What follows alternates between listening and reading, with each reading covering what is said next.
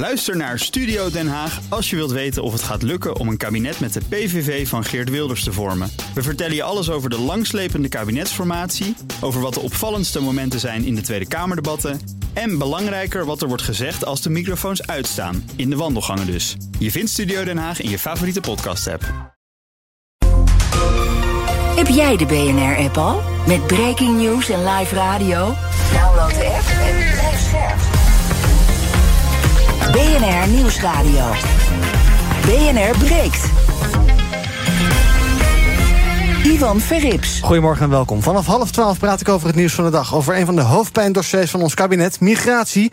Komt er vandaag een doorbraak in de impasse die de Europese asielsamenwerking heet. En stel, ik wil een bom maken. Wat doe ik dan? Google ik naar de instructies of vraag ik het aan ChatGPT? Nee, ik vraag het zo meteen aan mijn panelleden. En dat zijn vandaag Pieter Lossi, adviseur bij de VL-raad. Goedemorgen. Goedemorgen. Fijn dat je er bent. En Anouk Dijkstra, voorzitter van Young Management. Goedemorgen. Goedemorgen. Goed dat je er bent. We gaan beginnen met... BNR breekt. Breekijzer. En dat breekijzer heeft te maken met het R-woord, recessie. Want de kans daarop is nog steeds reëel, meldt het CPB, Centraal Planbureau. De grootbanken zijn ook niet heel positief. Dit jaar een plusje van hm, 0,6, 0,7 procent. Volgend jaar 0,9, 1 procent misschien. Ja.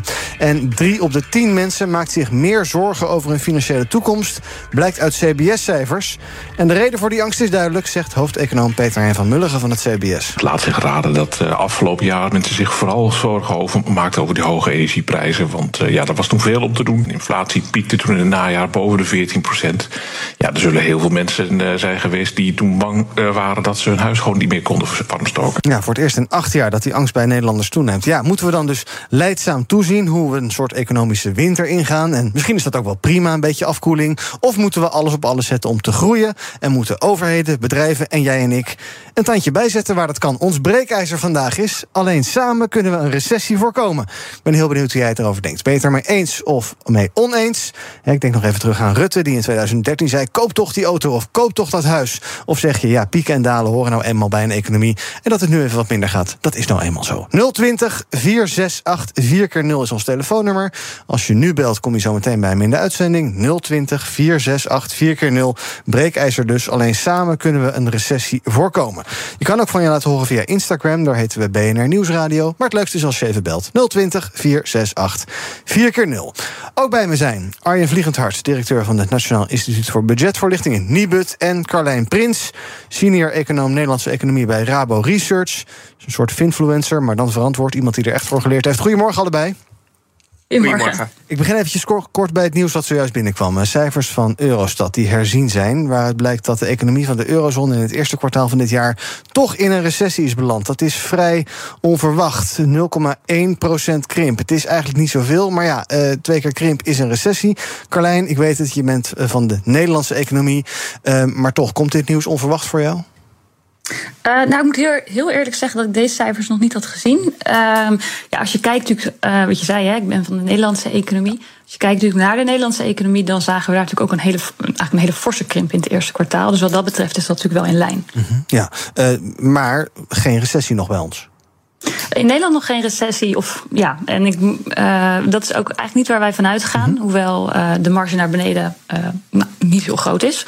Zou zeggen. Maar wat wij eigenlijk vooruitkijkend voor de Nederlandse economie voorzien is dat. Um, kijk, aan de ene kant wordt de groei begrensd door, door uh, belemmeringen aan de productiezijde. Met namelijk uh, enorme personeelstekorten.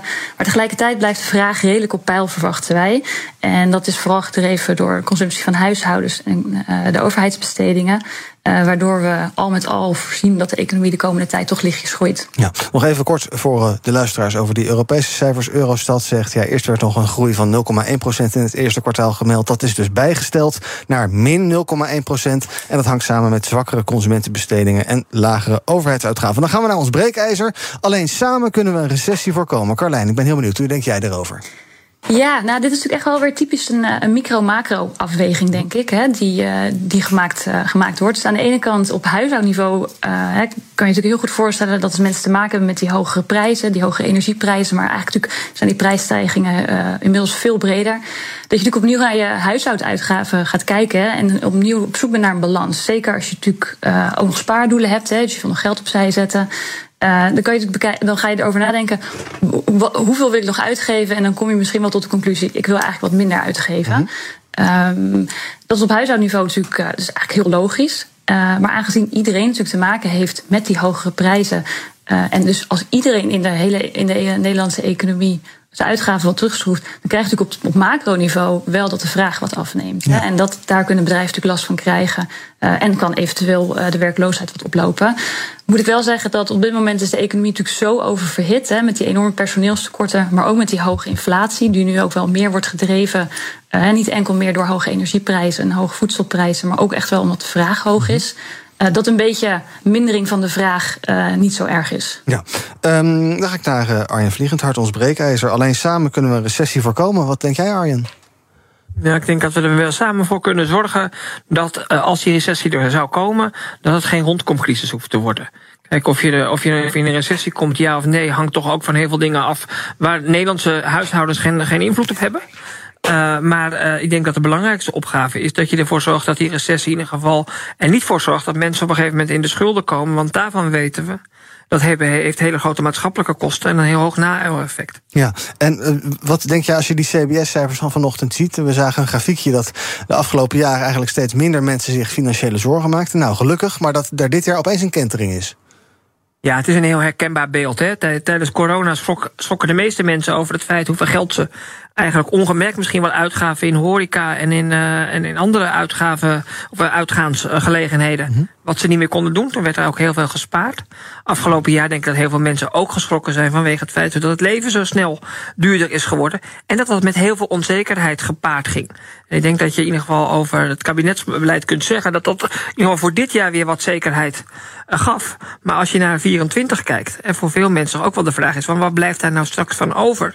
En hoe zorgen we er nou voor dat als straks die steunmaatregelen wegvallen?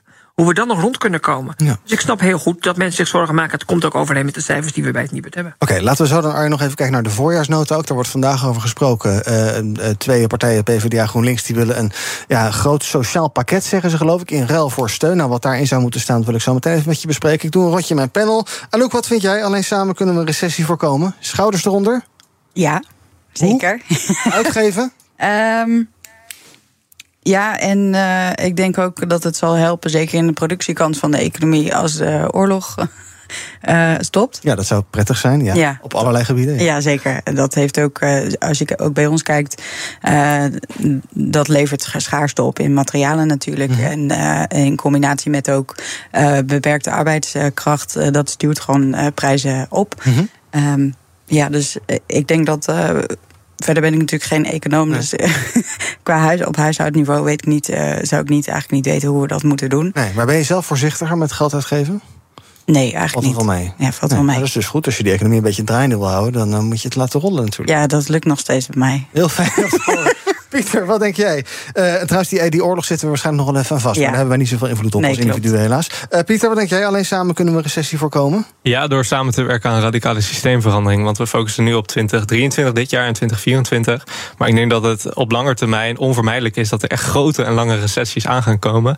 Dat komt met name door uh, het gebrek aan menselijke capaciteit... minder kans op meer materiaalverbruik... en ehm, degradatie aan kenniskapitaal. Mm -hmm. Om ze kort toe te lichten we zien dat eigenlijk sinds 1990 onze wereldwijde economie ongeveer verdubbeld is. Maar dat het materiaalverbruik meer dan verdubbeld is. En um, ecologen zeggen dat als je dat uh, duurzaam wil houden, die relatie met materiaalverbruik, met natuurlijke hulpbronnen, dat je eigenlijk moet halveren richting 2050. Terwijl de prognoses nu zijn dat we gaan verdubbelen richting 2050 in materiaalverbruik. Dus op een gegeven moment raken die materialen alleen nog maar schaarser kan dat geen extra nieuwe input zijn voor je economie en worden bestaande materialen alleen maar duurder. Dan zou je kunnen zeggen, nou ja, dan focussen we niet op die materiaalkant van de economie, maar op de kenniskant van uh, de economie. En gaan we werken aan onze kenniseconomie. Alleen die kenniseconomie van dit land is heel erg afhankelijk van de kwaliteit van het onderwijs. En juist de kwaliteit van het onderwijs in Nederland staat behoorlijk onder druk. Zeker ook uh, internationaal uh, vergeleken. En we hebben daar gewoon een ontzettend groot lerarentekort dat ook alleen maar gaat toenemen dan zou je tenslotte nog kunnen um, zeggen... dan gaan we ons focussen op de menselijke capaciteit. Mm -hmm. Zoals we jarenlang die bevolkingsgroei... eigenlijk als extra input hebben gehad voor die economie... en daarmee de economische groei. Alleen daarvan zien we natuurlijk dat uh, het aantal werkenden... ten opzichte van het aantal ouderen eigenlijk alleen maar afneemt. Ja. Ook wel onder de noemer vergrijzing. En dat de generatie die nu aan het werk is... maar zeker ook straks aan het werk gaat, generatie Z heel veel meer last heeft van uh, mentale uitputting. Wat ook zal resulteren um, in uh, veel meer uitval. Mm -hmm. Onder de streep zijn er dus heel veel redenen om te denken dat we in een fundamentele systeemcrisis terecht zijn gekomen. waarin grote, lange recessies op termijn um, onvermijdelijk zijn. en ook veel ellende gaan veroorzaken. Wat niet betekent dat er systemen denkbaar zijn. Denk aan bijvoorbeeld uh, post-groei-scenario's uh, en, en, maatschappijen. die ervoor zorgen dat economische stagnatie of zelfs economische uh, krimp. -huh. niet hoeft te leiden tot ellende, maar juist kan leiden tot meer kwaliteit van leven ja. en welzijn. Maar er zijn dus wel systeemveranderingen voor nodig. Dat gaat dit en volgend jaar niet helpen. dat klopt. Dus dat betekent wel dat we nu al met z'n allen vooruit moeten kijken en moeten samenwerken om uh, op kabinetsniveau, maar ook vanuit de markt, ook vanuit de samenleving, uh, met deltaplannen te komen om die economie te transformeren. Arjan, nog even voordat we naar de bellers gaan. Bij die CBS-cijfers, daaruit blijkt dat vooral jongeren zich zorgen maken om hun financiële situatie. Eigenlijk hoe ouder je wordt, hoe minder zorgen je je maakt. Heeft dat ermee te maken dat ja, die jongeren pessimistischer zijn, of dat die gewoon minder inkomen hebben en dat je daardoor een, een, een, meer problemen ziet? Uh, uh, uh, voor allebei wat. maar wat we wel zien is dat deze generatie jongeren financieel vaak toch wel kwetsbaarder is dan voorgaande generaties. dat heeft onder andere te maken met het leenstelsel. Veel jongeren die afgestudeerd zijn, die beginnen gewoon hun werkzame leven met een studieschuld. Dus meer dan de helft van die jongeren die heeft, die heeft die schuld. Mm -hmm. dan kijk je naar de woningmarkt, dan zijn natuurlijk betaalbare koopwoningen voor die groep eigenlijk niet bereikbaar. en tot voor kort was het vinden van een vaste baan ook ontzettend lastig. Dus dat stuit het eigenlijk bij elkaar, telt bij elkaar op.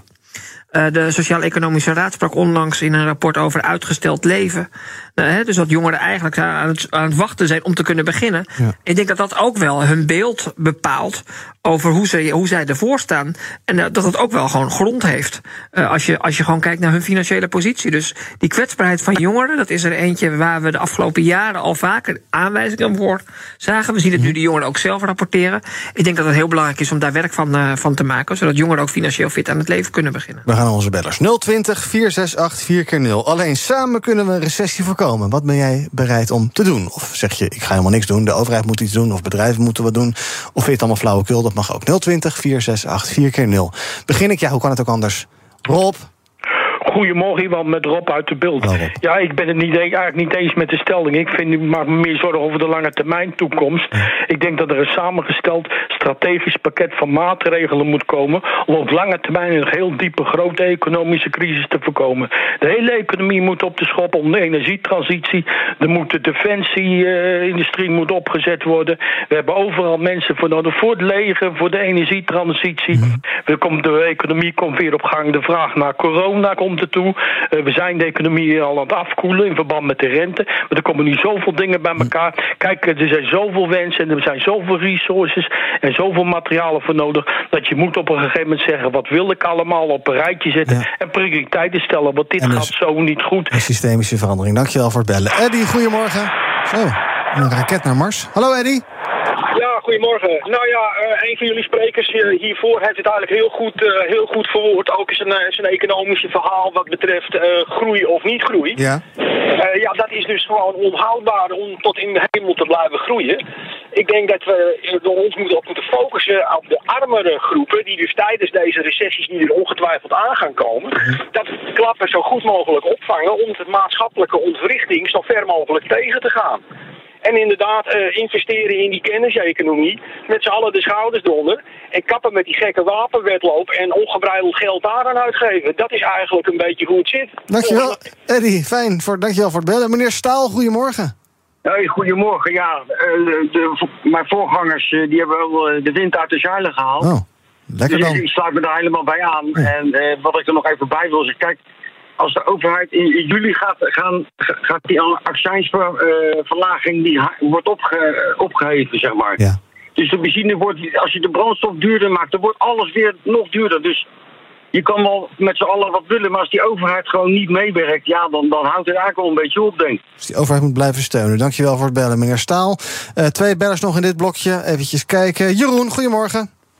Hoi, goedemorgen, Iwan. Hoi.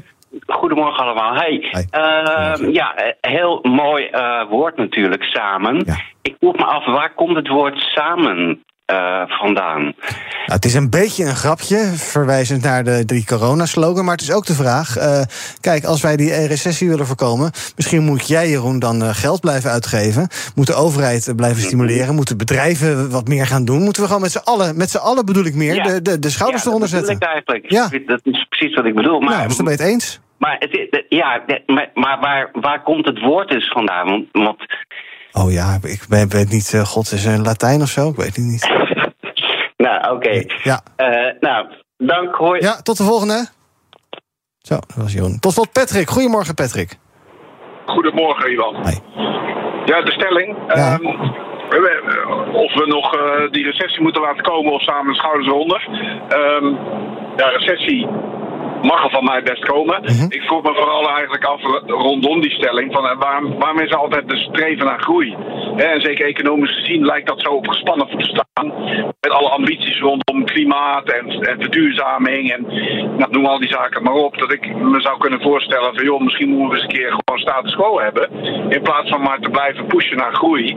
En eh, makkelijk gezegd nu, hè, achteraf kijk je de koe in de kont. Er is nu een recessie aanstaande of aangekondigd inmiddels. Ehm, maar er is zo'n wijze spreuk die zegt je moet je dak repareren als de zon schijnt. Ja. Dat, en laten we zeggen, dat hebben we dan misschien niet gedaan. Nee, dan gaat het nu lekker. dat- ja, da- daarom. En dus laten we zorgen dat dat in ieder geval dan eh, zo snel mogelijk wel gerepareerd is. En dat we eens een keer misschien tevreden zijn met hoe het is. In plaats van maar te blijven groeien. Patrick, dankjewel voor het bellen. Breekt. Ivan Verrips. Mijn panel vandaag Anouk Dijkstra, voorzitter van Young Management. Pieter Lossi, adviseur bij de VO-raad. En ook bij me zijn Arjen Vliegendhart, directeur van de Nibud. En Carlijn Prins, senior econoom Nederlandse economie bij Rabo Research. Ons breekijzer, alleen samen kunnen we een recessie voorkomen. Als je nog wil reageren, heel snel bellen. 020 468 4 keer 0 Dan kom je zo meteen nog bij me in de uitzending. Een paar interessante dingen gehoord, Carlijn. Allereerst, eh, ja, waarom moeten we eigenlijk groeien? Het is een, onder economen voor mijn gevoel een vrij eh, doorgaans... eh, hoe moet je dat zeggen? Een ja, vastbestaand punt dat de economie heeft groei nodig. Waarom is dat eigenlijk? Ja, nou, er komen nu ook wel meer geluiden natuurlijk over. eh, over maar, het is eigenlijk een beetje een, een, eh, een tweesprong. Hè? Dus je hebt eh, de mensen die de groene groei aanhangen en de mensen die zeggen we moeten echt eh, degrowth. Hè? Dus misschien wel economisch krimp hebben met het oog op het klimaat en het redden van de aarde. Ik moet heel erg zeggen dat ik niet zo heel erg thuis zit in deze discussies. Maar een van de redenen waarom we wel. Eh, wel welvaart nog nodig hebben, is omdat we bijvoorbeeld te maken krijgen met een vergrijzing. Eh, en we wel, eh, als we die welvaart op peil willen houden, dan hebben we wel eh, eh, voldoende geld nodig om bijvoorbeeld te kunnen betalen voor, eh, voor de zorg. zorgkosten die gaan stijgen. Maar ik ben wel eens met wat er ook is gezegd. Een heel deel daarvan zal moeten gaan komen uit innovatie. Hè, dus productiviteitswinst. Dus eigenlijk dat we met de mensen die we hebben meer kunnen doen. Ja. Is recessie ook een self-fulfilling prophecy? Als we het maar vaak blijven zeggen met elkaar, dan komt het vanzelf? Ja, dat is best wel, eh, er is best wel wat onderzoek naar gedaan. eh, maar het is lastig om dingen helemaal uit elkaar te trekken. Hè? Want eh, eigenlijk, eigenlijk is hoe mensen. Het is zo dat als mensen heel erg onzeker zijn over de toekomst. en zeker als ze zich zorgen maken over baanverlies. Hè, dus een echt forse inkomensdaling. dat je dan wat meer op de rem gaat trappen. Hè? Dus je wat meer geld opzij zet voor onvoorziene uitgaven. en voor een onvoorziene inkomensdaling. Ehm, hè, dus dat wordt ook wel gezegd, sparen uit voorzorg, wordt dat genoemd. Ehm, de vraag is natuurlijk, ga je sparen uit voorzorg omdat je ziet dat de economie het minder goed doet? Dus bijvoorbeeld omdat je merkt dat in het bedrijf waar je werkt mensen worden ontslagen, of waar, dat er wordt bezuinigd daar, of dat jij hoort van de mensen om je heen dat ze hun baan kwijtraken. Eh, of dat jij in de krant leest, er wordt heel erg gesproken over een recessie en er wordt heel erg gesproken over, eh, eh, over een economie die het slechter gaat doen. Hè. Dus dat is heel lastig om uit elkaar te trekken.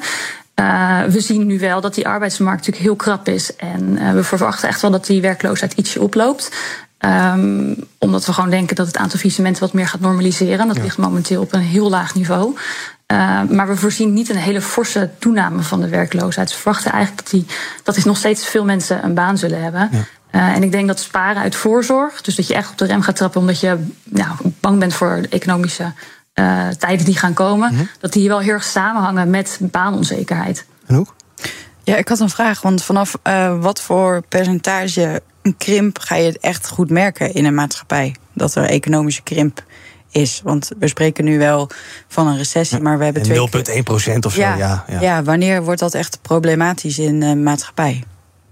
Was mijn vraag. Uh, Ja, nee, ik denk dat, het, dat je een terecht punt aanstipt. Hè. Dus de recessie wordt heel erg gezien als, een, als iets binairs. Hè. Dus er is of een recessie of er is geen recessie. Maar binnen een recessie kan natuurlijk heel diep zijn, waarbij je spreekt van economische crisis, waarbij het aantal faillissementen enorm oploopt en de werkloosheid fors oploopt. Kijk, dan heb je echt uh, ja, dan heb je te maken met, met echte problemen, grote problemen. Uh, een lichte recessie waarbij de economie maar heel lichtjes krimpt, uh, zal veel minder impact hebben op, uh, op, op de werkloosheid en het aantal faillissementen. En is daarmee natuurlijk ook veel minder pijnlijk voor de mensen. Arjan, wat net meneer Staal, die zei, ja, die accijnskorting die gaat er binnenkort af. We hebben dit jaar nog een energieplafond, alhoewel dat geloof ik niet heel erg in werking is getreden, maar toch. Ehm, moet de overheid inderdaad dit soort stempakketten omhoog houden en misschien nog wel uitbreiden? Nou, ik denk dat het, dat, het, dat goed is dat de overheid dat heeft gedaan. Want als je kijkt waar we ongeveer vorig jaar omstreeks deze tijd zaten, was de onzekerheid bij heel veel huishoudens nog veel groter omdat ze niet wisten wat er aankwam. En ik denk dat die zekerheid, ook van het energieplafond, hoewel het uiteindelijk misschien niet eens nodig was, de zekerheid dat, dat er een maximale prijs was, heel veel mensen ook wel gerust heeft, heeft gesteld. Het is altijd een combinatie van, zeg maar zeggen, de onzekerheid. En ook het, uh, te weinig geld, wat ervoor zorgt dat mensen echt financiële stress uh, krijgen. Dus in dat opzicht ik denk ik, is het goed en belangrijk dat de overheid helderheid geeft over de plannen van komend jaar. Je ziet natuurlijk de discussie over: is het nou niet te generiek geweest? En hebben we daardoor ook mensen ondersteund die het eigenlijk niet nodig hadden? En zou je wat specifieker aan de slag moeten. En tegelijkertijd, ja, dat maatwerk, dat kost eigenlijk altijd heel veel tijd en bereikt lang niet iedereen die het wel nodig heeft. Hè. Als je kijkt naar die toeslagen, mm of andere manieren van doen. Dus wat afgelopen jaar gebeurd is, was natuurlijk eigenlijk waren heel veel vrij generieke maatregelen, waarvan je wel kunt zeggen dat ze het effect hebben gehad dat de energiecrisis geen schuldencrisis is geworden. En daar verdient het, het, kabinet ook echt wel een compliment. Ja. Pieter, toen ik net met Carlijn sprak over groei, groene groei, degrowth, zag ik jou nee schudden. Nou, um, het, uh, um, wat ik opvallend vind is dat uh, de economie een beetje buiten onszelf wordt geplaatst. -hmm. Als een soort uh, externe entiteit. En dat moet blijven groeien door, door innovatie. En daar moeten we met z'n allen aan werken. Maar uiteindelijk is de economie er natuurlijk voor ons. en wat dat betreft was ik blij en, en hoopvol gestemd over alle bellers.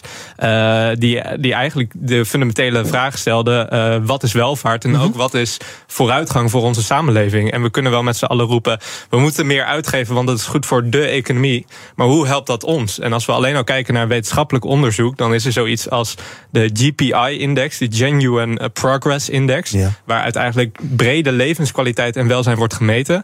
En dat is sinds 1965 wereldwijd niet meer toegenomen. Terwijl die economie, uh, nou ja, uh, als een raket naar Mars, zoals je eerder zei, wel blijft stijgen. Dus hoeveel procent economische groei hebben we nog nodig om hoeveel procent aan extra levenskwaliteit te verkrijgen? Of moeten we met z'n allen gaan zoeken naar hoe die economie anders kan worden ingericht? En niet alleen het bestaande systeem innoveren, ja. dusdanig dat daarmee de ongelijkheid wordt opgelost, dat ons welzijn uh, wordt vergroot en dat het ook echt maatschappelijke waarde toevoegt, in plaats van dat die fictieve economie alleen maar afbeweegt van de reële economie. Jij prees net onze bellers, laten we er nog twee van aan het woord laten. Afros, goedemorgen.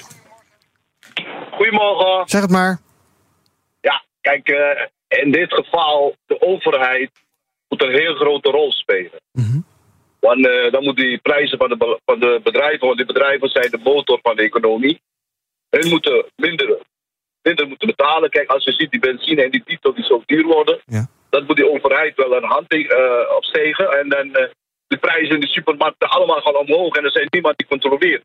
En het, het, gaat niet dat samen de overheid moet de voortouw nemen. Ja. Dat is het belangrijkste. Duidelijk, dankjewel Afros voor het bellen. En ik dank ook voor hun aanwezigheid afgelopen half uur. Carlijn Prins, senior econoom Nederlandse economie bij Rabo Research. Fijn dat je bij ons was. En Arjen Vliegendhart, directeur van het Nibud. Ja, zie ik dat nu Carlo belt. Ben je lekker op tijd mee, Carlo. Als je nou tien minuutjes eerder had gebeld, had je nog in de uitzending kunnen spreken. Nu gaat het niet meer lukken, sorry. Volgende keer heel graag.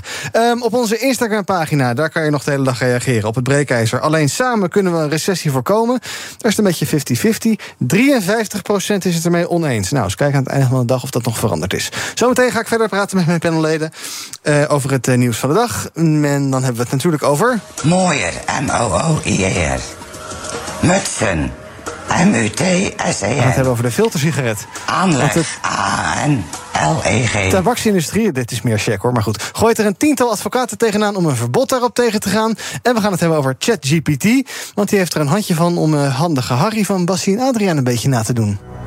Bas, hij is klaar. Wat is er klaar? De grote boom. AI blijkt namelijk erg goed in het instructies geven over het maken van bommen en gif. Blijkt uit een onderzoek van Pointer. Nou, hoe dat dan moet, gaan we zo bespreken in het tweede deel van BNR Break. Tot zo. Ook Hugo Reitsma vind je in de BNR-app. Superhandig die BNR-app. Je kunt alle programma's live luisteren, breaking nieuwsmeldingen. Je blijft op de hoogte van het laatste zakelijke nieuws. En je vindt er alle BNR-podcasts, waaronder natuurlijk de belangrijkste, Boeken zijn in de wijk. Download nu de gratis BNR-app en blijf scherp. Blijf scherp. BNR Nieuwsradio. BNR breekt. Ivan Verrips. Welkom terug. In mijn panel vandaag Pieter Lossi, adviseur van de VO-raad... en Anouk Dijkstra, voorzitter van Young Management. We gaan praten over het nieuws van de dag. Te beginnen in Luxemburg, want na jaren van impasse... volgt er vandaag misschien een doorbraak op een van de moeilijkste dossiers van de EU, asiel. Staatssecretaris Erik van den Burg is op een eh, asieltop in Luxemburg... en hij en zijn Europese collega's proberen het daar dus vandaag eens te worden... over een reeks nieuwe maatregelen. En die top heeft een aantal kernpunten, zo zegt hij zelf. Het gaat over de grensprocedures. Voor wie mag je die verplicht stellen en voor wie eh, niet. Het gaat over de aantallen mensen die opgevangen moeten worden in de landen van binnenkomst. Het gaat over uh, wat doe je met AMV'ers, alleen de reizende minderjarige vreemdelingen. Nou, al dat soort zaken dus. De voorzitter van de EU momenteel, Zweden, heeft gezegd van ja, het moet eigenlijk wel nu echt gebeuren. EU-landen mogen het niet laten afwegen, afweten, want uh, ja, het is een beetje nu of nooit. Een cruciaal overleg, zo zegt de Zweedse migratieminister die het discussie vandaag leidt. En ook voor de partij van Van den Burg, de VVD, is het hopen dat hij terugkomt met een oplossing voor de instroom. Want daar is nogal een probleempje mee. Nou, we hoorden net uh, een paar van de prangende punten, Pieter. Uh, wat denk jij? Is dit het moment om eruit te komen? Kan het überhaupt? Het zou wel kunnen. Het is wel lastig met uh, een aantal Europese lidstaten die al jaren weigeren echt hun verantwoordelijkheid te nemen ten aanzien van de migratieproblematiek. En dan zit het hem zeker natuurlijk in, in een voor, van de voorstellen, uh, namelijk dat uh, Europese lidstaten uh, vluchtelingen over dienen te nemen van Griekenland en Italië. Mm -hmm. Op het moment dat ze dat niet doen, dat weigeren, ze eigenlijk per vluchteling die ze niet overnemen, op basis gewoon van hun proportionele verantwoordelijkheid, ze 20.000 euro moeten afdragen aan deze landen. De vraag is natuurlijk wel, er zijn natuurlijk een aantal lidstaten lidstaten. Um, ik noem een Hongarije die uh, zich nou, heel. Um, recalcitrant hebben opgesteld in het verleden tegen Europees migratiebeleid. Of zij bereid zijn om uh, dergelijke financiële uh, consequenties ook te, te aanvaarden en daartoe ja. over te gaan. Het is voor Nederland en met name nu voor de VVD, waar natuurlijk dit thema echt op de agenda staat, uh, wel van groot belang dat er uh, Europees gekeken wordt naar effectief rechtvaardig beleid ten aanzien van de opvang van vluchtelingen. Ja, maar die, maar die landen zoals Hongarije, die zeiden altijd: ja, wij kunnen dat niet aan. Ja. Of is dat een beetje kont tegen de krip gooien, we moeten die vreemde mensen niet? Tuurlijk, dus vanuit een onderhandelpositie is het uh, logisch te verklaren dat je zegt, nou, we gaan ons recalcitrant opstellen en dan hopen we dat de uitkomst uiteindelijk ergens in het midden uitkomt dan dat je gelijk al uh, inlevert. Mm -hmm. uh, het heeft natuurlijk wel te maken met de, de Europese solidariteit die je mag verwachten van Europese lidstaten. En ook de toekomstige uitdagingen die gaan komen nog. zeker ten aanzien van een migratiebeleid waarin we met heel veel instabiliteit in de wereld en met schaarste en met oorlog en met straks ook klimaatvluchtelingen uh, nog meer beroep zullen moeten doen op de verantwoordelijkheid van alle individuele lidstaten en daarmee het collectief.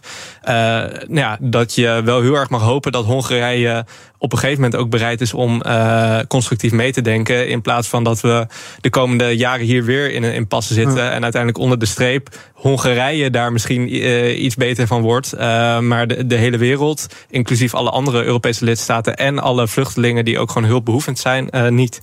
Aniek, of, Aniek, kom maar aan. Oeh. Anouk, wat denk jij? Moeten we strenger zijn aan de grenzen, aan de buitengrenzen? Um, nou, ik denk dat het vooral belangrijk is dat je één lijn hebt als, uh, als Europa, als mm -hmm. Europese Unie. En dat niet iedereen maar wat doet.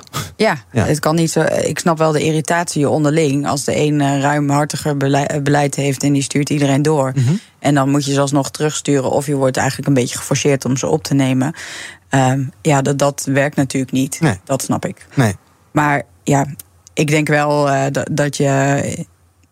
Ja, op zich denk ik als je mensen binnenlaat, om het even zo te zeggen, en ze hebben echt een uh, penibele situatie waar ze vandaan komen, waarom Mhm. zouden ze dan niet een beter leven voor zichzelf mogen gaan bouwen Mhm. op een andere plek in de wereld? Ehm, Dat kan je ze eigenlijk niet ontzeggen. nee. Überhaupt de landsgrens. Er heeft ooit natuurlijk mensen geweest die zeggen: Nou, hier loopt de grens en nu is dit een stukje van mij en de andere kant is van een ander. Ja. Uh, dat is sowieso al een beetje een gek concept voor uh, gewoon mensen natuurlijk. Ja. Dus ja, ik ben.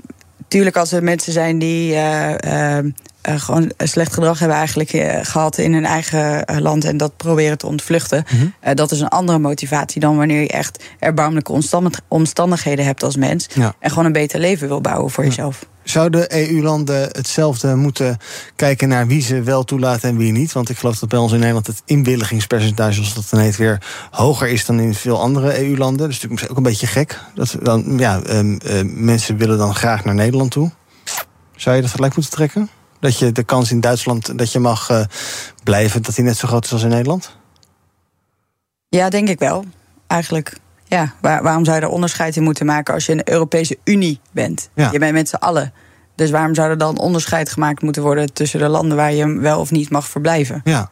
En, en ook qua verwachtingsmanagement voor al die mensen die natuurlijk hier naartoe komen. Ja. Het is natuurlijk heel pijnlijk dat als je hier naartoe komt uh, en het is niet duidelijk aan de voorkant uh, of je wel uh, onderdeel kan uh, worden van die Europese samenleving mm -hmm. uh, of niet. en je te horen krijgt, nee, gaat, niet, gaat hem niet worden. je hebt een jaar of zelfs meerdere jaren van je leven in zekere zin verspeeld door deze reis te maken. Ja. Ga maar weer terug naar die instabiele situatie waar je in die tussentijd verder niks hebt kunnen opbouwen. Dus dat je daar aan de voorkant duidelijkheid in verschaft, ook richting al die hulpbehoevenden, lijkt me een, een hele goede. Ja, wat Van den Burg ook probeert is kijken of we mensen buiten de EU kunnen opvangen.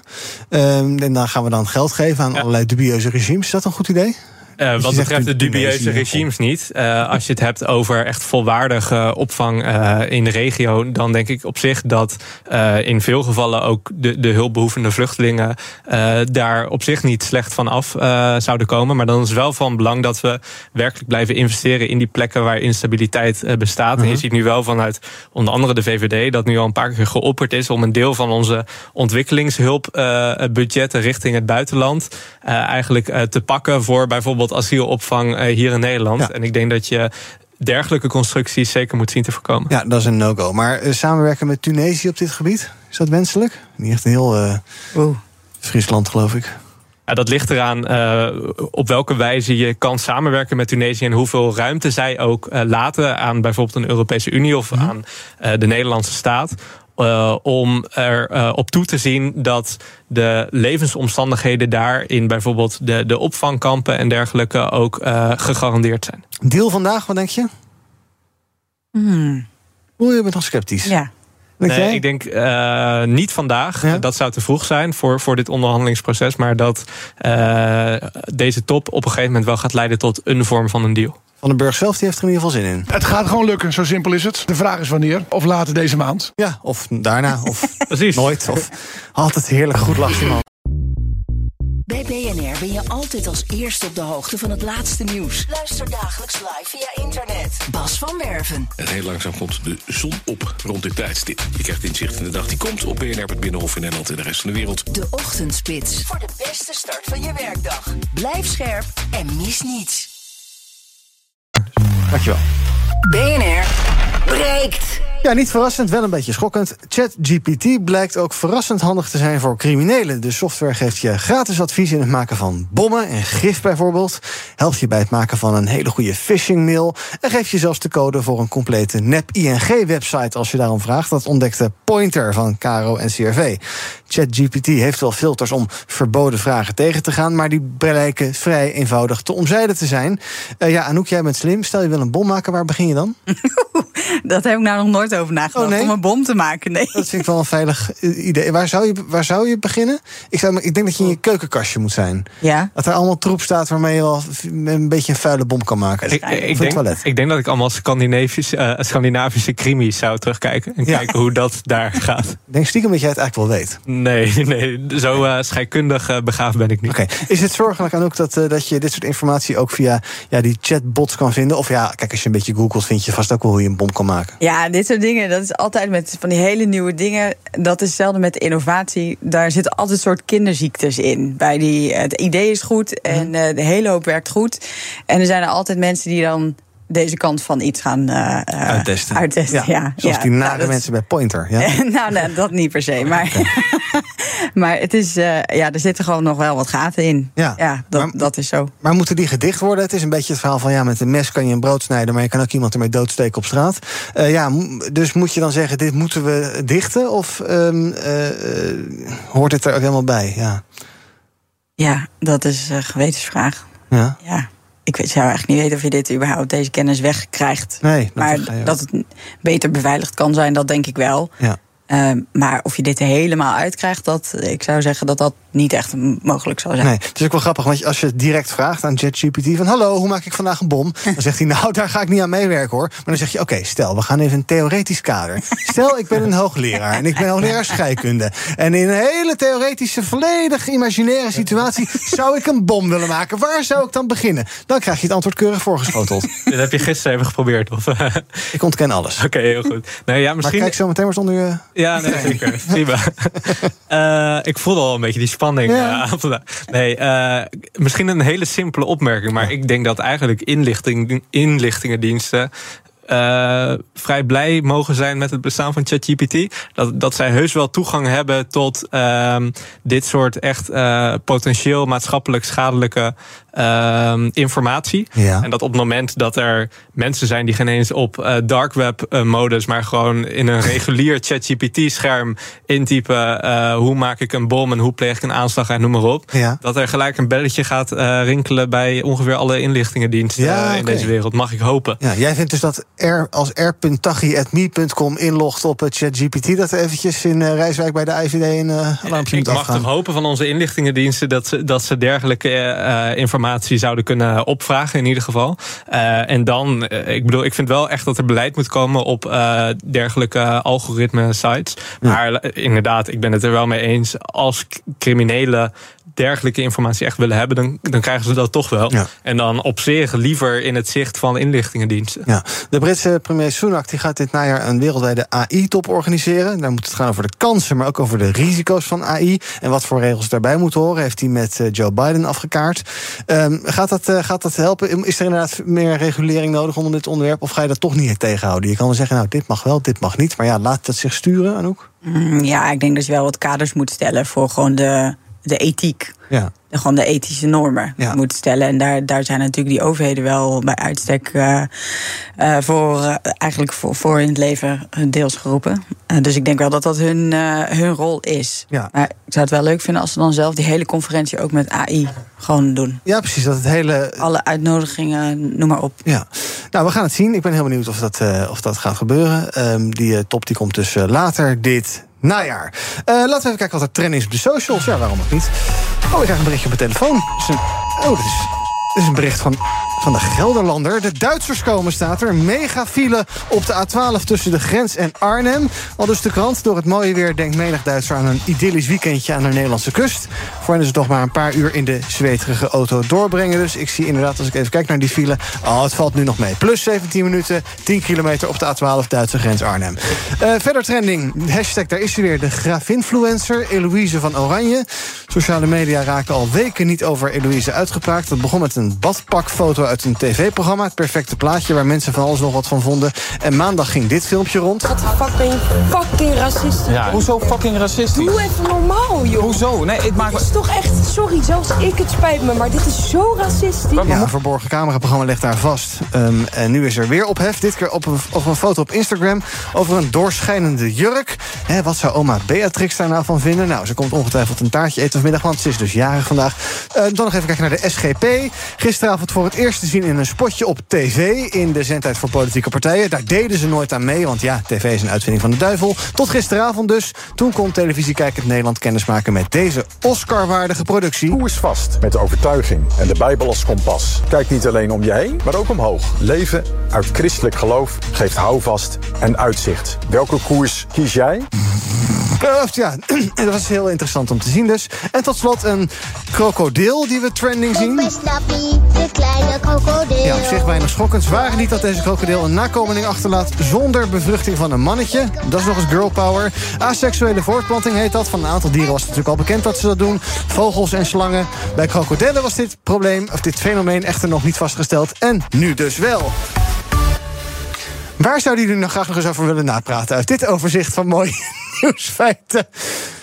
Ja, ik vond het geen hoogtepunten van deze uitzending tot nu toe. Laat ik het daarover Oh, ik vond het eigenlijk wel het hoogtepunt van deze uitzending. Eh, moeten we nog iets zeggen over al dat preutsige ouwe hoer over Eloïse van Oranje? Laat ze lekker aantrekken wat ze wil. Ja. Ja, doe niet zo moeilijk. Zijn we daarover uitgepraat? Oké. Eh, dan toch maar even kijken over eh, de ehm, eh, asexuele voortplanting. Het is wel te hopen dat het bij mensen nooit gebeurt, denk ik, hè? Eens. Ja, eh, ja, wat moet je ervan vinden? Jullie kunnen helemaal niks met dit nieuws vandaag. Nee, ja, niet echt. Nee. Zullen we nog over serieus nieuws praten? Graag. Tot slot. Oké, dan gaan we hebben het over de tabaksindustrie. Trekt vandaag met een leger aan juristen ten strijde. Tiental advocaten gaat er van alles en nog wat aan doen om de Schumel-sigaret te behouden. Wat was dat nou ook alweer? Nou, het RIVM legt het even uit. Gaatjes zijn aangebracht in het filter. Die gaatjes zijn waarschijnlijk bedoeld om de rook te verdunnen, waardoor op de rookmachine lagere gehaltes gemeten worden, terwijl een roker die gaatjes met de vingers op de lippen dicht kan doen. Ja, krijgt hij deze meneer van het RIVM een eh, ervaringsdeskundige is. De stichting Rookpreventie Jeugd wil een einde aan die sigaret en hoopt dus vandaag bij de rechter een verbod af te dwingen. Ja, de tabaksindustrie dus met eh, tientallen advocaten die kant op. Wat zegt dat jou, dat ze als de dood zijn voor hun verdienmodel? Ja, en ook wel dat hun eh, morele kompas misschien niet helemaal geëikt staat. Nee, want dat zou moeten zijn. eh, er ermee stoppen, afbouwen, alternatieven. Wat moet je doen? Ja, het is natuurlijk een, eh, een product wat eh een wat verslavend is. En daar is het ook op ge- geënt, Mhm. letterlijk. En het, het maakt mensen gewoon ziek. Dus ja, ik zou zeggen, uiteindelijk helemaal stoppen met die sigaretten. Ja. Ehm, stel nou, Pieter, jij krijgt vandaag Philip Morris in je schoot geworpen. Zo, dat is nu jouw bedrijf. Wat zou je dan doen? Dan moeilijk de tent morgen sluiten. Zo, oeh, dat is wel een goede vraag. Ik denk dat het eh, van groot belang is om het, om het kapitaal eh, dat je als Philip Morris hebt opgebouwd door alle jaren. En ook ehm, je, marktpositie en ook eh, de kennis die aanwezig is binnen je organisatie. Om die te transformeren naar iets wat werkelijk van maatschappelijke waarde is. En we kennen voldoende bedrijven, bijvoorbeeld een groot energiebedrijf in Denemarken. Dat ongeveer 15 jaar geleden met name in fossiel zat. En toen al zei: dit is niet de toekomst. Dus wij gaan nu de radicale keuze maken om volledig om te schakelen naar dat waar wel toekomst in ligt. En nu is het eh, qua, qua marktkapitaal eh, een van de grootste energiebedrijven van Nederland. kan dus wel. Of van, van de wereld moet ik zeggen. Denken jullie dat er ooit een rookvrije samenleving komt? We hebben een preventieakkoord. Dat is allemaal gericht op eh, nou ja, jongeren die nu geboren worden. Die moeten nooit gaan roken, dat soort zaken. Gaat dat ooit gebeuren of is dat een illusie? Eh, ligt aan eh, leiderschap vanuit eh, deze marktpartijen, dus vanuit eh, de bestuurders en mensen die hier belang bij hebben, maar ook vanuit de tanden die de overheid durft te hebben. We hebben gezien eerder bij alcohol dat de alcoholtafel werd opgeheven omdat staatssecretaris van Ooyen vond dat er niet. Alcoholtafel. Het klinkt als een overlegorgaan waar heel veel gezopen wordt. Ja. Ja. Maar omdat staatssecretaris van Ooyen vond dat er nou, niet voldoende progressie werd gemaakt. Kijk, op een gegeven moment hebben we ook gezegd: asbest moeten we deze wereld uitfaceren. Eh chroom 6 moeten we deze wereld uitfaceren. Allemaal schadelijke stoffen uit het verleden. eh, die potentieel bijvoorbeeld ook eh, ontzettend ernstige ziektes als kanker veroorzaakten. Dus ik hoop ontzettend op eh, leiderschap van heel veel mensen die hier eh, invloed op kunnen uitoefenen. Ben je positief of negatief gestemd? Rook, rookvrije samenleving? Wat denk je, ooit gaat het komen? Ja, gaan we wel halen. Ik ben blij dat we met een positieve noot eindigen. Ja. Dankjewel voor jullie aanwezigheid vandaag. Anouk Dijkstra, voorzitter van Young Management. En Pieter Lossi, adviseur van de VO-raad. Morgen weer BNR Breekt, dan de politieke editie, want dan is het vrijdag. En tot die tijd volg je ons via de socials. Zoek maar even op BNR, dan vind je ons overal. En laat je radio aanstaan, hoor je zometeen Thomas met Zaken doen. Ook Diana Matroos vind je in de BNR-app. Ja, inderdaad. Je kunt live naar mij luisteren tijdens de Big Five. Ook handig in de BNR-app. Breaking nieuwsmeldingen, maar ook het allerlaatste zakelijke nieuws. En je vindt in de app alle BNR-podcasts, waaronder Wetenschap Vandaag. Download nu de gratis BNR-app en blijf scherp.